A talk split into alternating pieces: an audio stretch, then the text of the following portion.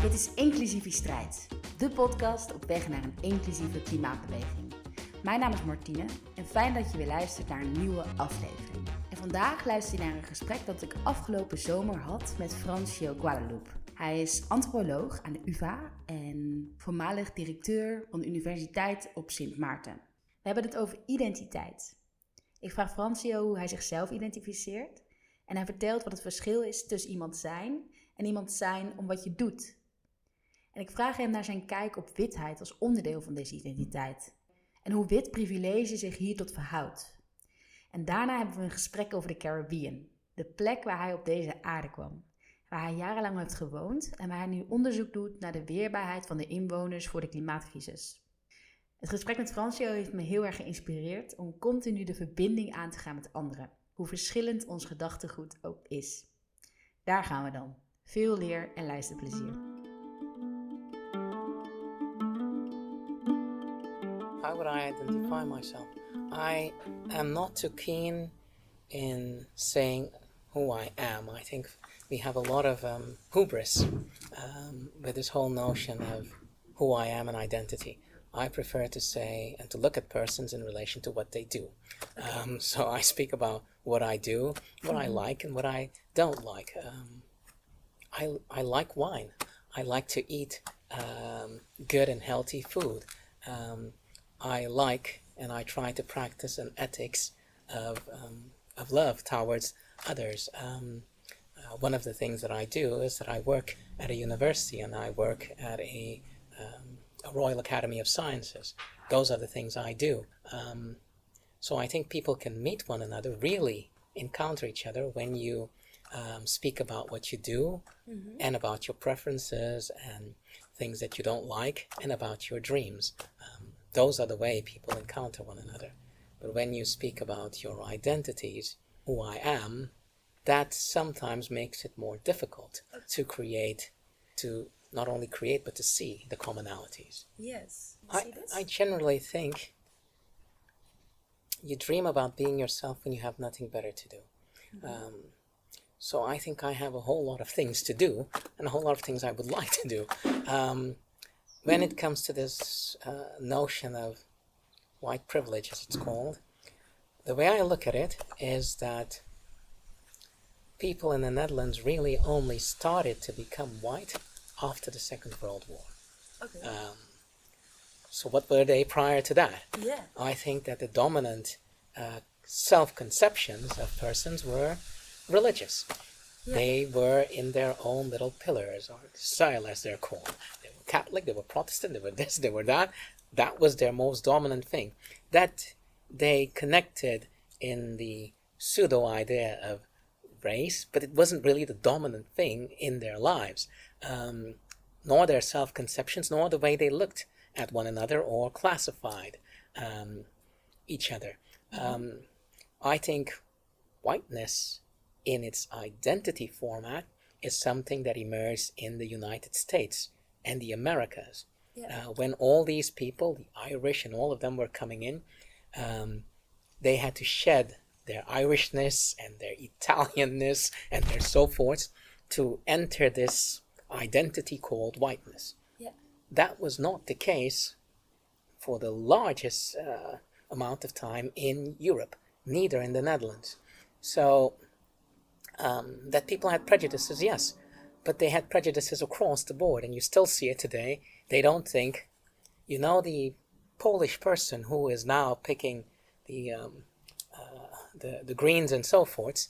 Oh, we are white brothers and sisters. No, that's a Pole. I'm Dutch. Yeah. So um, I think it is of consequence to recognize that whiteness is emerging, it's coming in, it's becoming important, and you have to fight that. So I think that's what you're talking about. Yeah. Fighting a particular pernicious kind of identification. Yeah. Um, uh, that's what it's about. So you can't say you are white. You can say I am against whiteness. Yes. Um, but who you are, uh, or who you you how you self-identify and how you actually live your life, you are a person from a particular place that learned particular things and did not learn other things and wants to learn these things. So I think seeing ourselves as verbs rather than nouns Uh-huh. is what it's really about. Okay, thank you. Yeah. That's that's why I look at it, but I think people look at it differently. That's Yes. that's also fine. but if you ask me, I don't categorize people in white and black and so forth. So I categorize people in what are they doing to try and fight certain negative orders that are trying to enter the Wow. society. Thanks. Thanks a lot for sharing this. Yeah. Okay. Um, and can you tell me more about your work, the work you're doing? Yes, well, um, I think for this podcast, what is of consequence is that I am busy with a large research proposal that looks at climate challenges, climate change, and, and the other challenges that, that are part of that. In the Caribbean, where um, I came on this earth because we all uh, arrived from somewhere, arrived somewhere, I arrived in life in the Caribbean. Yes. Um, I find the Caribbean interesting because the Caribbean is one of these spaces that deconstructs the easy distinction between nature and culture. For the simple reason that almost everything in the Caribbean after the almost virtual extinction, almost virtual extinction of the Amerindian population has been imported, it arrived from elsewhere.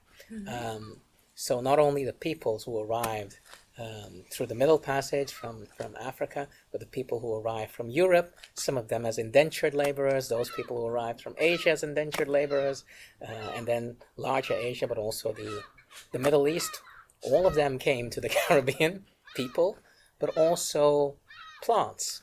The banana is something that arrived in the Caribbean. Many Amerindians were in the Caribbean, there were no bananas.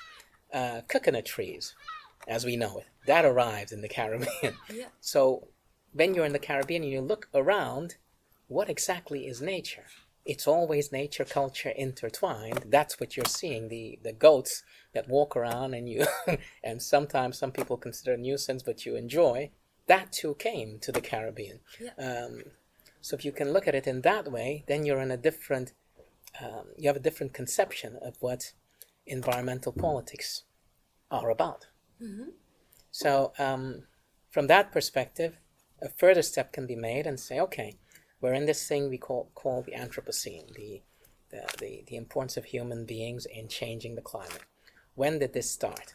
Now, you can say in earnest, if you follow certain scientists, they will say it started with the Industrial Revolution. Yes, but it did have a pre-start.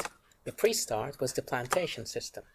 Because then you look at the Caribbean and you recognize, indeed, that's when people burnt lots of um, forest areas and constructed these large-scale plantations where people grew bananas and, and sugar and so forth, changing the environment because, as we know, nitrous oxide goes up. um, um, that's a reality. Uh, it had a semi-industrial component in making these sugar crystals. That was coal. That was going on in the air as well, and the burning of wood.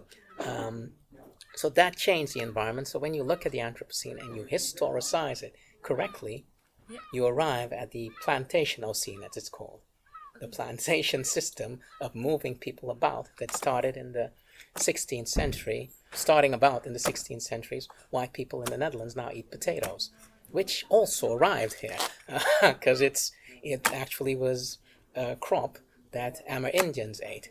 People in the Netherlands did not eat potatoes in the 17th or sorry in the 14th or 13th century didn't know what it was.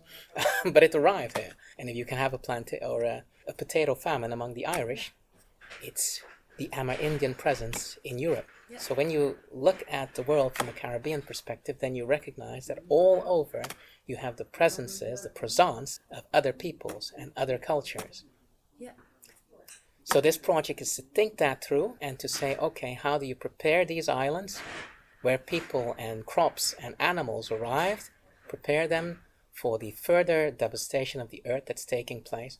How do you strengthen and make them more resilient towards that? Because they don't have the furnaces, so they're not the ones causing this, but they're the ones who will feel it. And this is the only way to, to do this, to protect this further devastation, is to better understand the history and to look back, like how this culture and nature is inter, like interconnected. Yeah, it's to better understand that and to um, so that's the historical part of it, but also to to tie whatever interventions or tools that you might think you want to do to what people are already doing, uh, and people store their wonderful the birds. People store their um, their knowledge and know-how, their knowledge practices in their cultural heritage. Uh, so you study the cultural heritage uh, and you study the creolized cultural heritage. So you're not talking about indigenous cultural heritage, you're talking about a creolized cultural heritage. That means the heritage that intertwines different cultural ideas coming from all parts of the world, but that uniquely blend into something uh, that people in the Caribbean can recognize and understand and work with.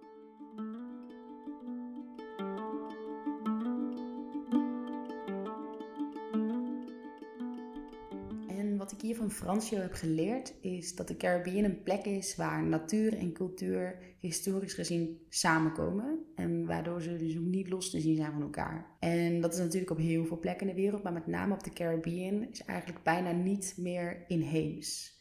Er kwamen mensen uit Europa, uit Azië, uit Afrika.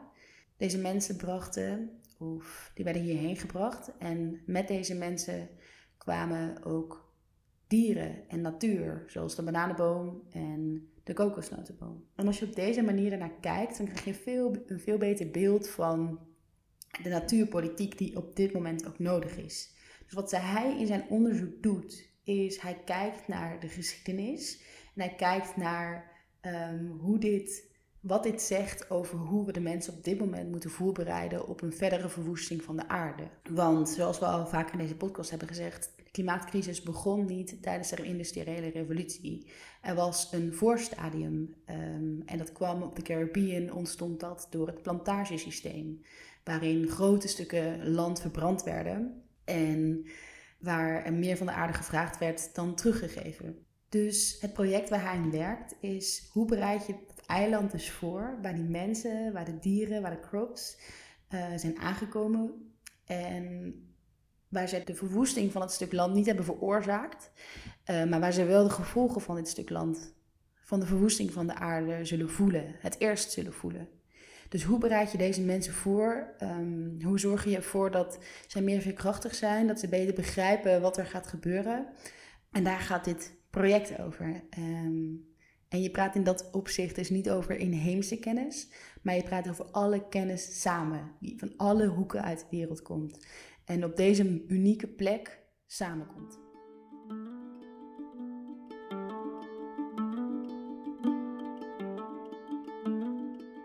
What I do is research. So I seek to to not only take the people who live next to the asphalt. Mm-hmm. I also try to go in the places where people actually live on sand streets um, and try to understand both realities because it's not trying to replace one for the other. It's not like you say the people who live on the sandy streets are more authentic than the people who live on the asphalt streets. No, uh, both of them are there. Both of them have ideas. Uh, to see a society is to see recognize a series of struggles culture is a series of struggles. Culture is not only something nice, it is people struggling about what they consider good, what they think should be done, uh, how they're doing it, how they're making compromises, how certain compromises are good compromises, others are rotten compromises.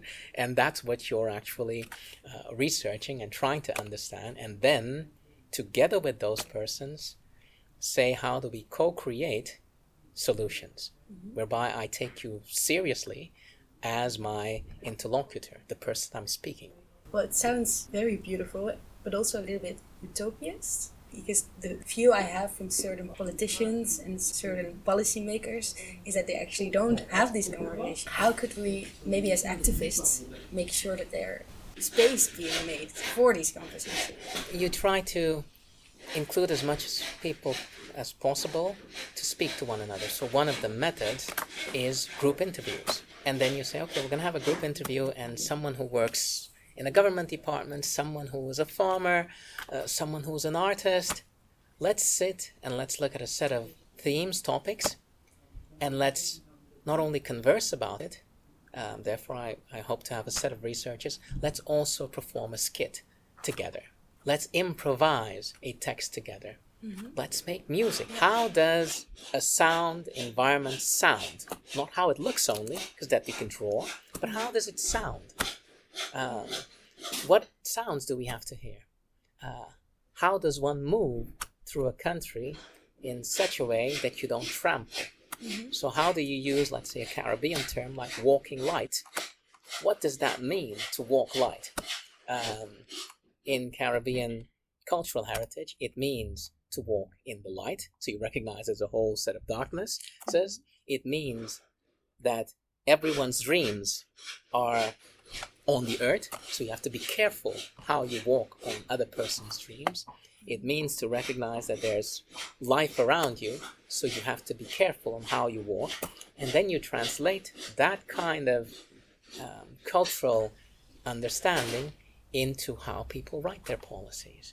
How do they connect to those larger UN ideas of, of sustainable development goals and so forth? How do you connect that to the idea of walking light? Yeah. That's a challenge, but the challenge is to bring people together because they have know how, knowledge uh, on how to do so.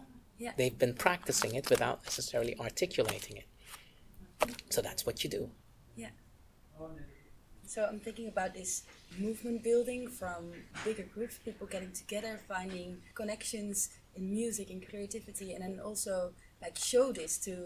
And still, I'm still like in this distinction between policy and people. You know, mm-hmm. like Yeah. that we have to show some of our power and of our um, connection to these policies. But mm-hmm. how do you see this mm-hmm, interconnection?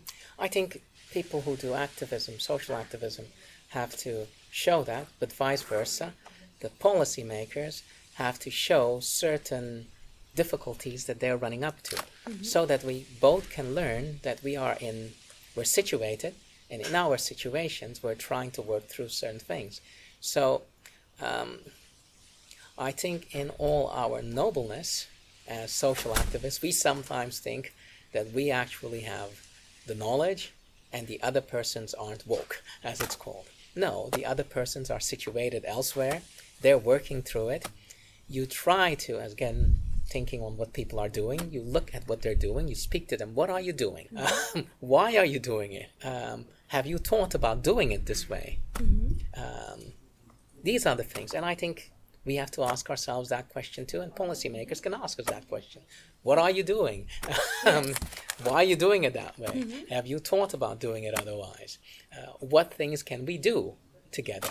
So I think, again, like in the Caribbean, the begin in the beginning is not the word, in the beginning is the deed, what you do. That's what determines how I uh, engage you, how Yeah. I judge you Exactly. not how you look, uh, not your social station in life, uh, because it, not because you are uh, poor means that you are virtuous. Uh, not because you're wealthy means that you have all kinds of vices. What you do matters, and that's where we start.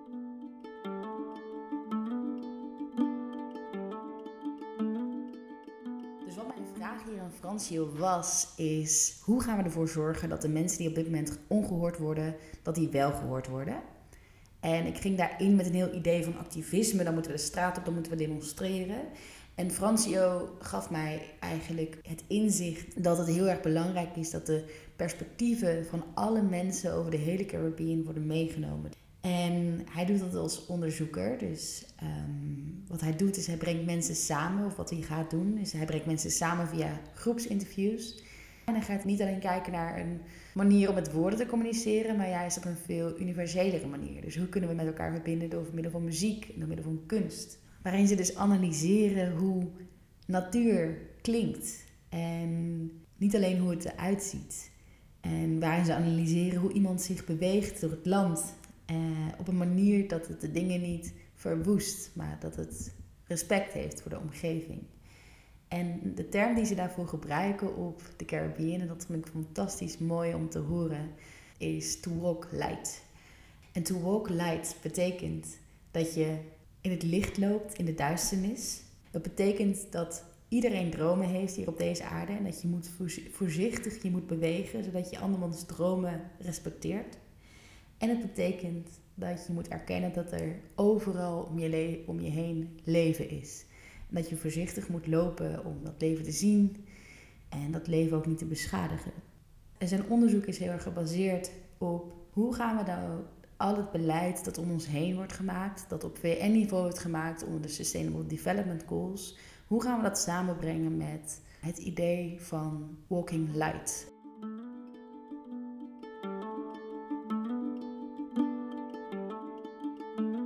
Where did your story of doing started? Well, I I grew up with a um, mother and father, um, but also a grandmother, and I remember as a kid, uh, that's where my ethics actually started. As a kid, coming home because they had been always on school. There was the time of South Africa, and there was a boycott of cricket players who actually these Caribbean cricket players who wanted, who went to South Africa to play cricket in the time of apartheid because they could make more money. Um, so there was a whole boycott, and the West Indies cricket team was not going to play in South Africa uh, because that was a racist, oppressive regime. Mm-hmm. All correct. Um, so, so I came home and uh, my grandmother was there sweeping the yard. So I was like all excited, like a kid is all excited, talking about this and about these players who did this. And she looked up and she said, "You know, never forget we're all in the mud." And she continued to sweep. What she meant was you need to develop an ethics of the mud. You need to recognize that everyone is in the mud, so no one is actually walking on a, a clean floor. We're all in this shit together. Yeah. So how you then walk light, that is of consequence. But don't start thinking there are goodies and baddies. No, we're all in this shit. Some are benefiting more than others. That you address without forgetting that this is where you're from, from the earth, from the mud. You don't belong somewhere up there. Yeah. Uh, birds fly up, but they have to land again. We have to come back to the mud. Uh, and the most fertile ground is a muddy ground. And after you have winter and you wet the ground, the ground smells wonderful. Yeah. That's the mud. We are in it. We're from that.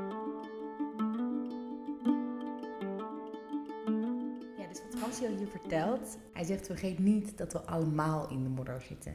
Je moet beginnen met de ethiek vanuit de modder.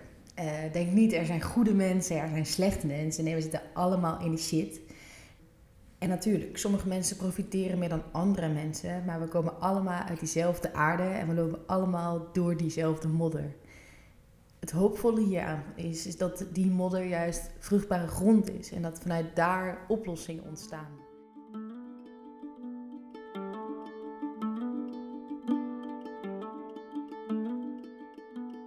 That's how my story of doing started. And then I started to research and recognize that that in the Caribbean you have environmental movements and ideas that already emerged, breaking through this whole nature culture divide. One of these is the Rastafari movement. In the mystical Rastafari trend, you start with the idea that the moment you start thinking in you and I, you're in war. Mm-hmm. The ethical move is to think I and I. In the beginning, there's I and I and I and I and I.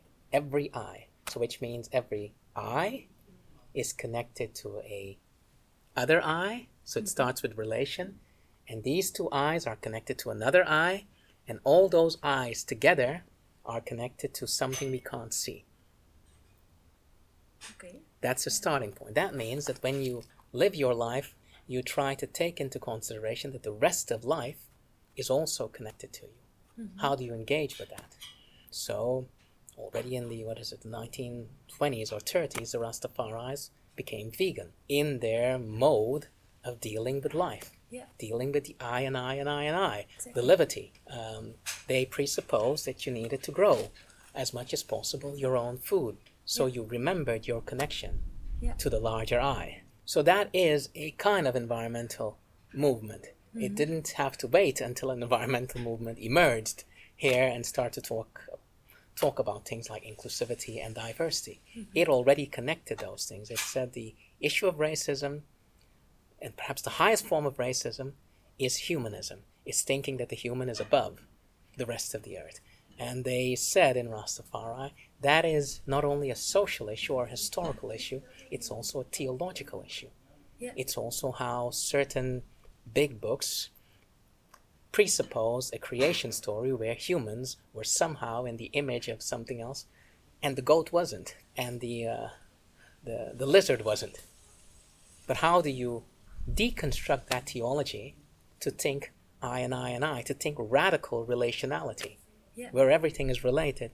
So it starts with relation. It doesn't start with suddenly having this supreme being that's human. No, it starts with relation. Things related, related in all kinds of intricate ways, and later on science says we all have genes that, that we share with all the other animals. Yes, correct. And the Rastafaris were saying it in their own language. Radical relation. Yeah. Rastafari is the earth, the sun, the moon, the stars, the inter are and the interbeing.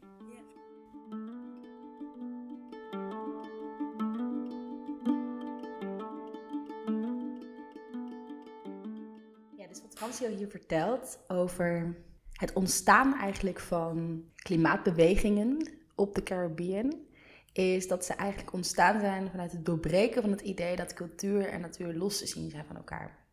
En hij geeft daarbij het voorbeeld van de Rastafari. En zij zeggen, het moment waarop je denkt in termen van you and I, dan is het oorlog.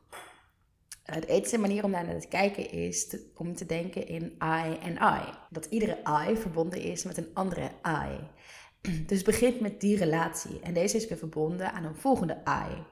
En al deze I's samen zijn verbonden met iets dat we niet kunnen zien. Dus om op deze manier te, te denken, betekent dat je je leven leeft, maar dat je daarin ook erkent dat de rest van het leven aan jou verbonden is. En zo zijn al honderd jaar geleden eh, de Rastafari veganistisch geworden. Ze zagen dat als ze hun eigen eten zouden groeien, dat, dat, zich meer, dat ze zich dan continu herinnerden aan alle connecties die zij hebben met de rest van het leven deze aarde. Dus met de rest van de ice. Eh, en vanuit daar is eigenlijk op een hele natuurlijke manier een soort klimaatbeweging ontstaan. En ze hoefden daarin helemaal niet te denken in eh, issues van inclusiviteit of diversiteit, want het werd allemaal al, dat zat allemaal in de natuur van de beweging. En wat we van hen kunnen leren hierin, is dat het niet alleen gaat over de I en I, dus dat de I en I gelijk zijn aan elkaar. Dus eh, problemen van racisme tussen mensen. Maar het gaat dat misschien de grootste vorm van racisme wel humanism is. Dus dat we als mensheid boven de natuur staan en boven dieren staan. We moeten verder kijken dan klimaatracisme als het gaat om mensen. We moeten juist ook kijken naar onze positie als mensheid boven deze natuur en boven de dieren.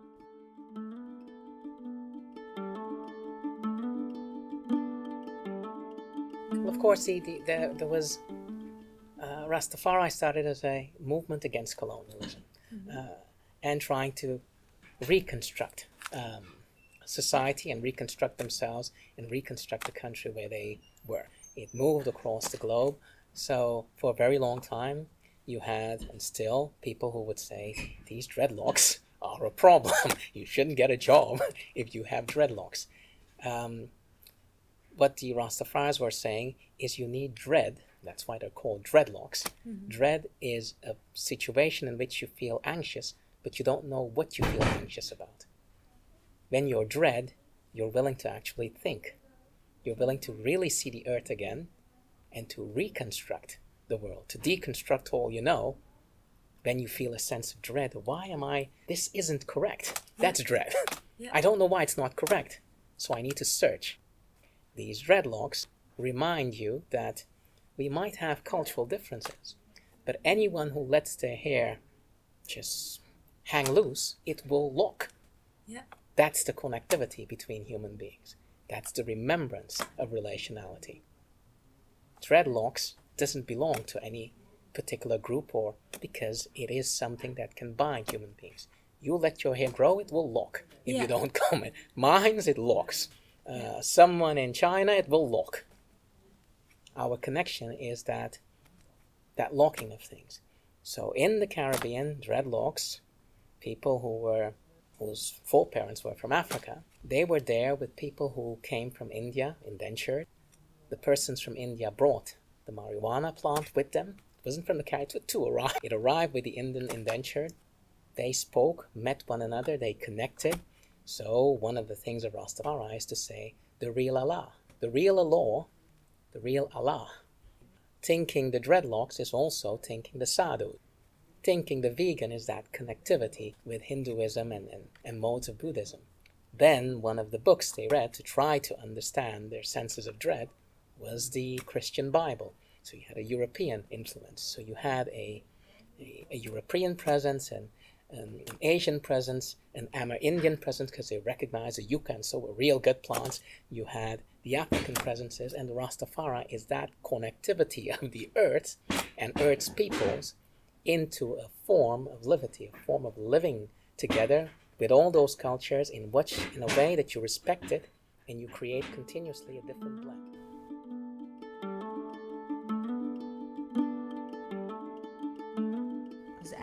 Begon is dat de Rastafari een beweging was die tegen het kolonialisme, eh, die alles reconstrueerde. Dus de mensen zeiden, als je dreadlocks draagt, dan zeg je, uh, ik ga op zoek naar die verbinding. De dreadlocks herinnert ons eraan dat we eigenlijk allemaal hetzelfde zijn. Dus waar je ook vandaan komt, welke culturele achtergrond je hebt, iedereen die loshangend haar heeft, op een bepaalde manier zal het zich vormen tot dreadlocks. Dus dat is de connectie tussen mensen. Het is de herinnering van al onze relaties. Dreadlocks behoren dus niet tot een bepaalde groep, omdat het juist de verbinding is tussen mensen van verschillende groepen. Dus met al deze culturen gaan, gaat de Rastafari om op een respectvolle manier en zijn ze continu een nieuwe blend aan het creëren van deze culturen.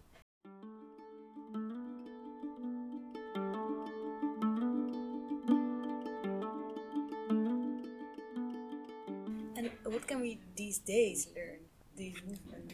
I think that since all peoples all over um, at a particular time recognized that they were doing something wrong to the rest of life, mm-hmm. they developed movements. Yeah. Movements were developed here, movements were developed in the Caribbean, movements were developed in Asia and Africa. It might be of consequence for these various solutions and various, not only solutions, but questions and various analyses to speak to one another. So to say, Rastafari or the Santeria, another kind of um, different type of idea where people do eat meat and so forth, but there's a different relation for those movements to speak to movements in Europe and speak to movements in, in Asia and so forth. And I'm speaking about movements, I'm not speaking about persons. Um, I think you have icons like Greta Thunberg and so forth. Um, but then you have a religious relation to an icon. You, you adore them. You have mm-hmm. examples so I would see her as an example, but I would see the movements as large examples connecting all kinds of people doing all kinds of things. Now, let's talk. Mm-hmm. Uh, and you talk by just thinking, okay, so how do you call the given? Some people call the given nature. Yeah. Um, so which means humans have a given because I didn't determine how I would be born. That's a given. Uh, do you have respect for the given? Or are you busy altering the givens through all types of nowadays. Um, I see people walking around with, with lips that are bigger or, or breasts that are bigger. That means that you are trying to modify the givenness of your life. Yeah. And that is connected to how people are modifying the earth.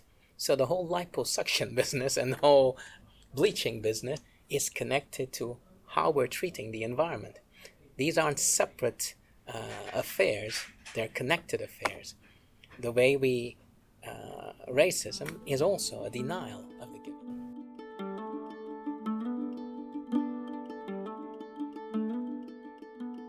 Yes, dus we hebben hier een taak om eigenlijk te gaan verbinden met heel veel verschillende bewegingen overal ter wereld. En op zoek te gaan naar die connectie en op zoek te gaan naar waar we de verbinding kunnen vinden. Praten over what do you see as the given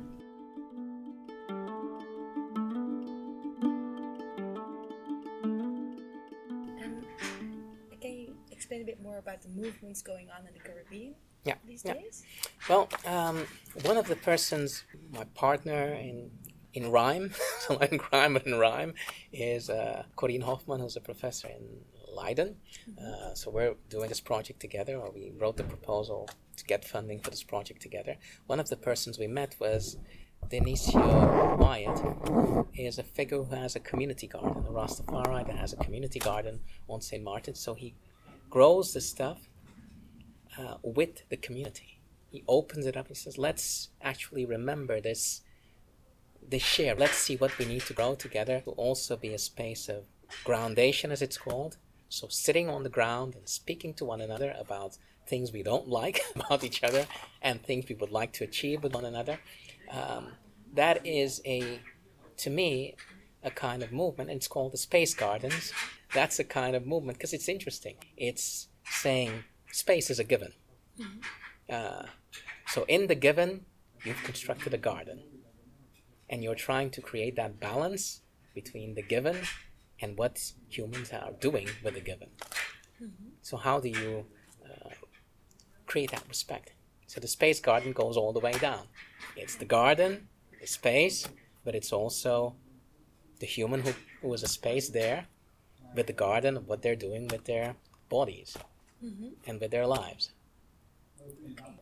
And how do you bring these things here into your research and how do you. One of the things is that um, the space gardens and a whole, whole set of other movements, they will be they will be part of this research that will take five years once we get the funding. Mm-hmm. Um, and that means what we learn will be translated to here so people can learn here.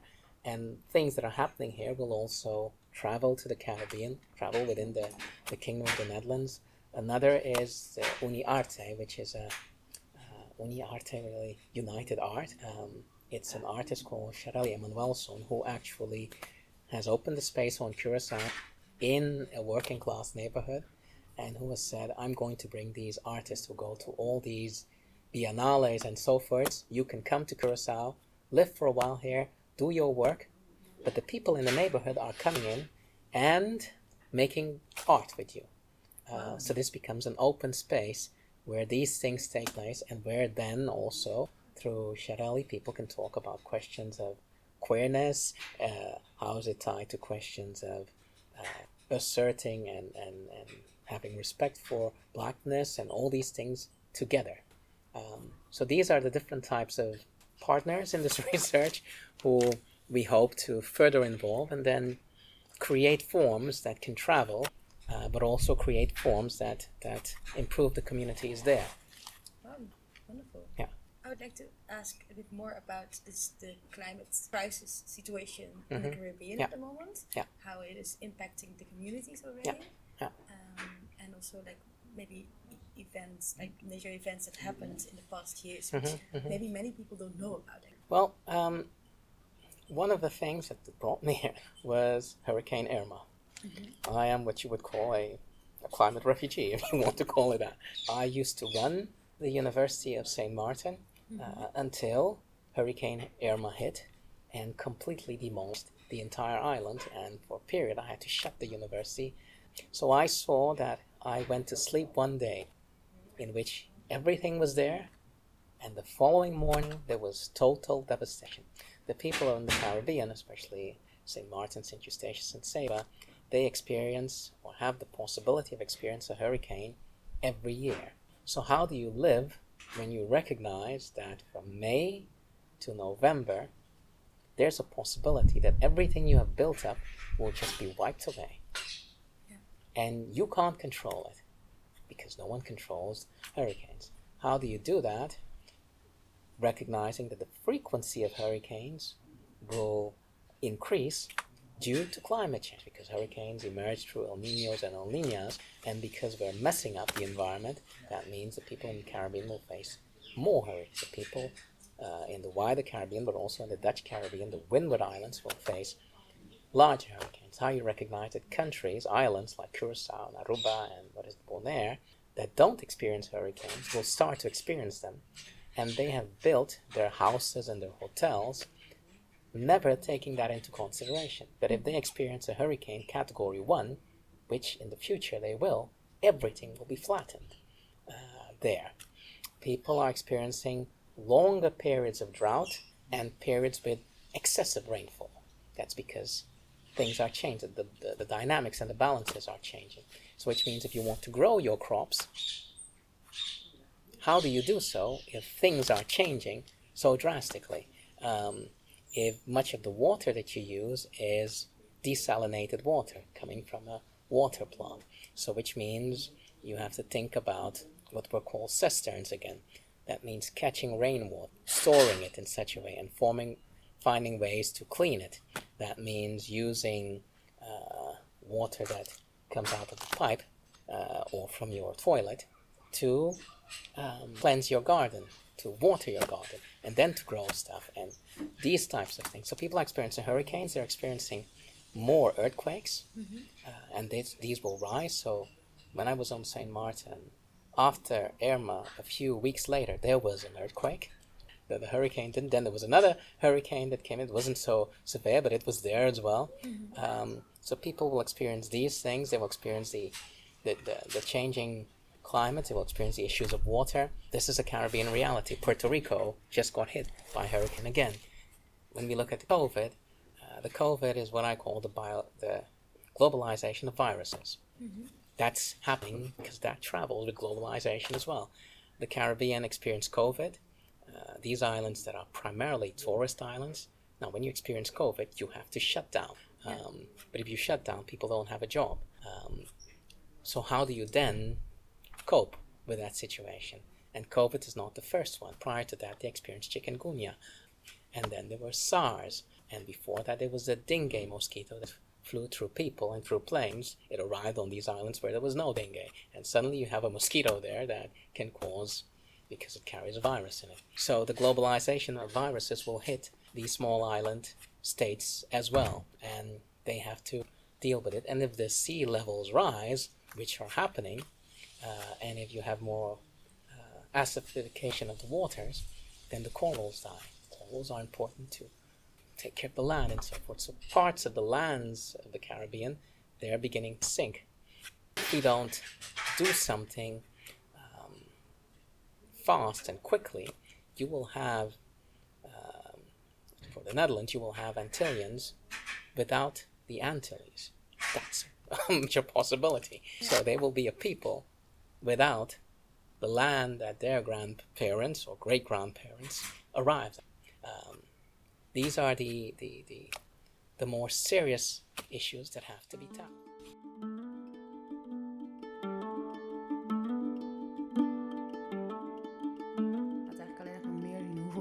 Er is om nu iets te gaan doen aan de klimaatcrisis. En vooral ook dat deze mensen die het totaal niet hebben veroorzaakt, het eerst hun huis zouden moeten verlaten voor deze klimaatcrisis. En die onzekerheid, die komt ook heel erg naar voren in zijn verhaal. Dat je, deze mensen sowieso al leven in onzekerheid dat er morgen een orkaan zou kunnen zijn. En dat door de klimaatcrisis, deze orkanen en deze aardbevingen alleen maar heftiger zullen zijn. En dan te bedenken dat we in Europa of in de rest van de wereld dus nog helemaal niet hebben nagedacht over hoe we ervoor gaan zorgen dat deze sociale gevolgen van de klimaatcrisis, dus mensen die hun thuis moeten verlaten en op andere, in andere delen van de wereld zullen moeten gaan wonen, hoe we daarmee omgaan en hoe we ervoor zorgen dat we de verbinding met elkaar zoeken en dat deze mensen een andere plek kunnen vinden om te wonen.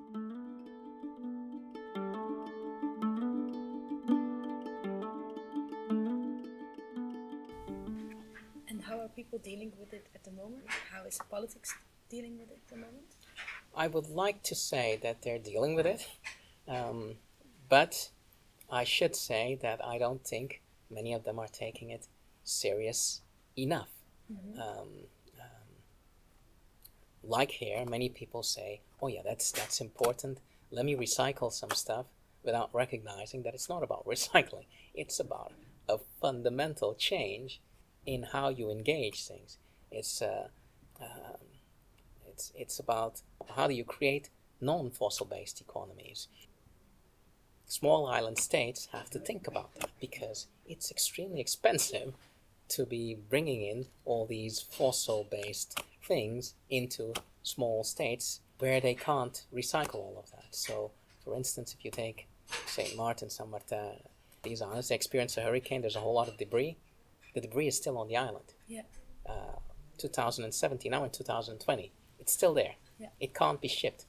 So it's just there, hanging, uh, because of all kinds of regulations. Cruise ships come in, they bring all types of their, their, their uh, garbage. It arrives on island. The islands become the dumping grounds of that garbage. Um, so it's not only the change there, it's a change here. So we will have to recognize our fundamental relationality to go back to that and really say, how are we going to do this differently? Yeah. Uh, and doing it differently in relation to the environment means doing it differently in relation to social groups that have experienced social discrimination, and it will mean also doing it in relation to the rest of animal life that is there as well. How do you respect that? Yeah. So it's a fundamental project. It's not a a quick reform. Mm-hmm. And how do you think that it becomes more visible here in Europe, the Mhm. situations um, overseas? Yeah, yeah. Well, three of the things that we plan to do in this research project, and again, once we get the funding, once we pass through, because we've, we've delivered, is a cinema verite. So a uh, that will be a visual anthropologist who will create a film with the people. So she's not scripting and no, with the people, they create how that will travel. A second one will be that NGOs, one of the anthropologists, work with NGOs to actually create a performance art piece. Have that performance art piece in relation to cultural heritage and climate change, and have these this actually travel. Uh, the third one will be an art installation uh, on how people are using small acts to try to mitigate the climate change. That too, that arts installation will travel. So these are three works of art, together with a documentary of the whole project, that will travel across the Caribbean and to Europe to try to sensitize people in relation to this. Yeah. Um, yeah, so that's one of the ways. Yeah. Sure, I mean, I, I do agree with the Nietzschean uh, idea that art is there to stop us from dying from the truth. He's correct because there are so many social truths. We need art to wake us up, to make us dread again, to start to think and say, hmm, this truth here, I don't, it isn't working for me. Let me try to figure out another truth. Um, so, yeah, I think art is vital. Art. Some people use religion, some people use science. I just think you need to combine these things uh, to arrive at a, a spiritual understanding of things. Yeah. Yeah.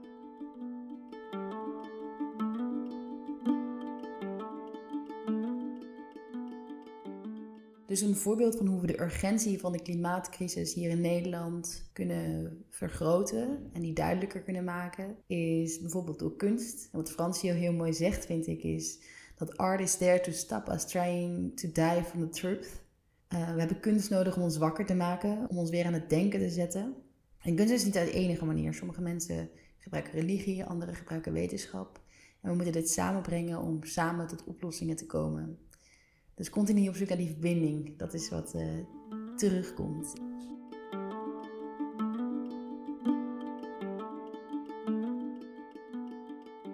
Prepared many questions and then I was like, let's just have a conversation. no worries.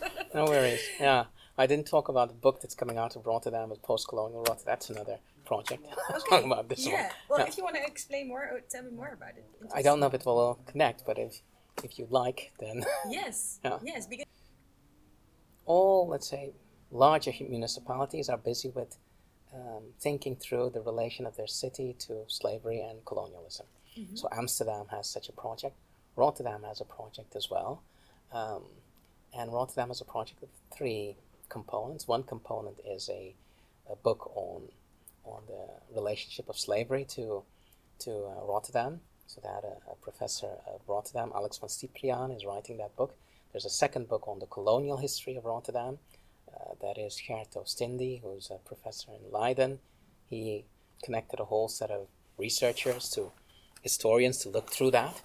Um, so then the Indonesian component comes in, and the Papua component, and, and the Moluccan component. That's all part of that um, book. And then there was a third book. There is a third book. It's all coming out in October. The third book, uh, myself and Paul van der Laar of the Museum Rotterdam and Diana van der Linden, who was a, a curator for a very long time of uh, uh, Cosmopolis Rotterdam, um, we decided to do the look at post-colonial Rotterdam. Um, so not the past, uh, but the post-colonial, which carries traces of the past. You look at the creations in the now, how people are dealing with each other now, and what future dreams do they have. And we said instead of writing a book whereby we would just ask only scientists to write, we said let's get artists, let's get social workers, let's get novelists, um, let's just get all kinds of people together and say, okay, how do we do this collaboratively? I need you to write a set of self reflections about the city now. Um, So we have students, we have uh, Charissa Granger, who's a, a professor in the Erasmus. She writes a, a, wonderful piece on the carnival. You have someone who speaks about his experiences as a, as a student. You have Abdelkader Benali, who's a novelist. He writes a piece, and that book has been put together to say, okay, this is post colonial Rotterdam, this is a city on the move. And tied to the book, there will be a dance presentation by Conny Janssen Danst. Uh, so she's going, she takes the book and she will read the book with her dancers and say, okay, this is what people have written about this. So how do we translate this into dance? Um, and that's the second part of the, the thing, which comes out a year later. So how does the post-colonial move um, in a city, and how do you um, present that in dance? Mm-hmm. So that's uh, a project, and therefore yesterday I was in Rotterdam to discuss that, and in October it will be out. Uh, and that's the way Rotterdam will deal with its its um, its past. And in the post-colonial, you can include the situation of people who came from Morocco. You can include the Chinese presence uh, that was uh, in Rotterdam and other places for a very long time. You can include the new presences of people from Syria uh, or Somali.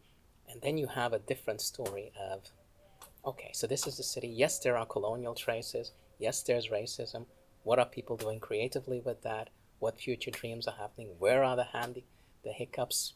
And then you have a, a particular, um, you have something that people can work with. Mm-hmm. A kind of collaborative science. So you create a scientific object, uh, but people create it together. So it's not the scientist saying, this is the object, and now I'm going to study you. No, let's look at this object that we call Rotterdam. Yeah and let's all bring things to it so we can construct this thing and say, okay, this is what post-colonial Rotterdam is and what it's becoming. Yeah. Okay. Yeah. I believe a lot in the power of youth, yeah. especially. Yeah. And I feel like in our education system, there's a lot missing about our history. Yeah, correct. So how do you bring better understanding of history into, especially education system yeah. in the Netherlands?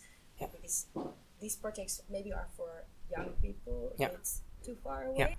No, correct. So with the um, dance, one of the, the, the concepts we um, further present in that book is called a youthnicity.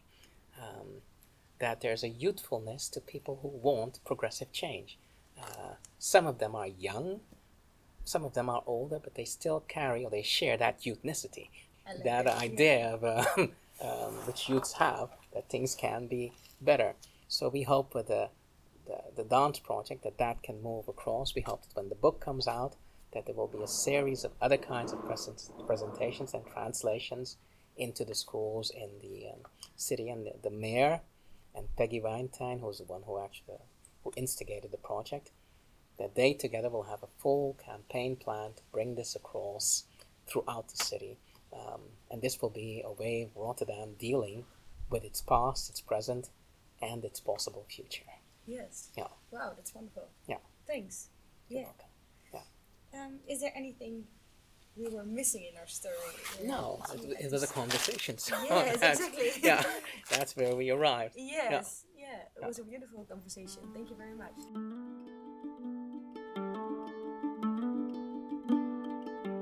Dus we sloten eigenlijk dit gesprek af met waar we ook begonnen. Uh, dat jongheid niet is, iets is wat je bent, maar dat het iets is wat je kunt internaliseren hoe oud of jong je ook bent. Welke leeftijd je ook hebt. Ik heb ontzettend veel van Frans heel geleerd. En ik ga nog vaak nadenken over to walk light. En samen in de modder zitten. En iemand niet beoordelen op wie het is, maar om wat hij doet en waarom hij het doet. En vragen stellen. Heb je er ook over nagedacht om het anders te doen? En waarom? Waarom niet? En ik hoop, lieve luisteraars, dat je snel weer luistert naar een volgende aflevering van Inclusieve Strijd. Uh, waar we in gesprek gaan met Kautar over diversiteit en inclusie in de Nederlandse klimaatbeweging. Want hoe van nature dat bij de Rastafari ontstond in de beweging, zo niet vanzelfsprekend is dat misschien wel hier. En er is nog heel veel werk aan de winkel. Dus we gaan met Kautar te hebben over hoe zij dat doet in haar werk.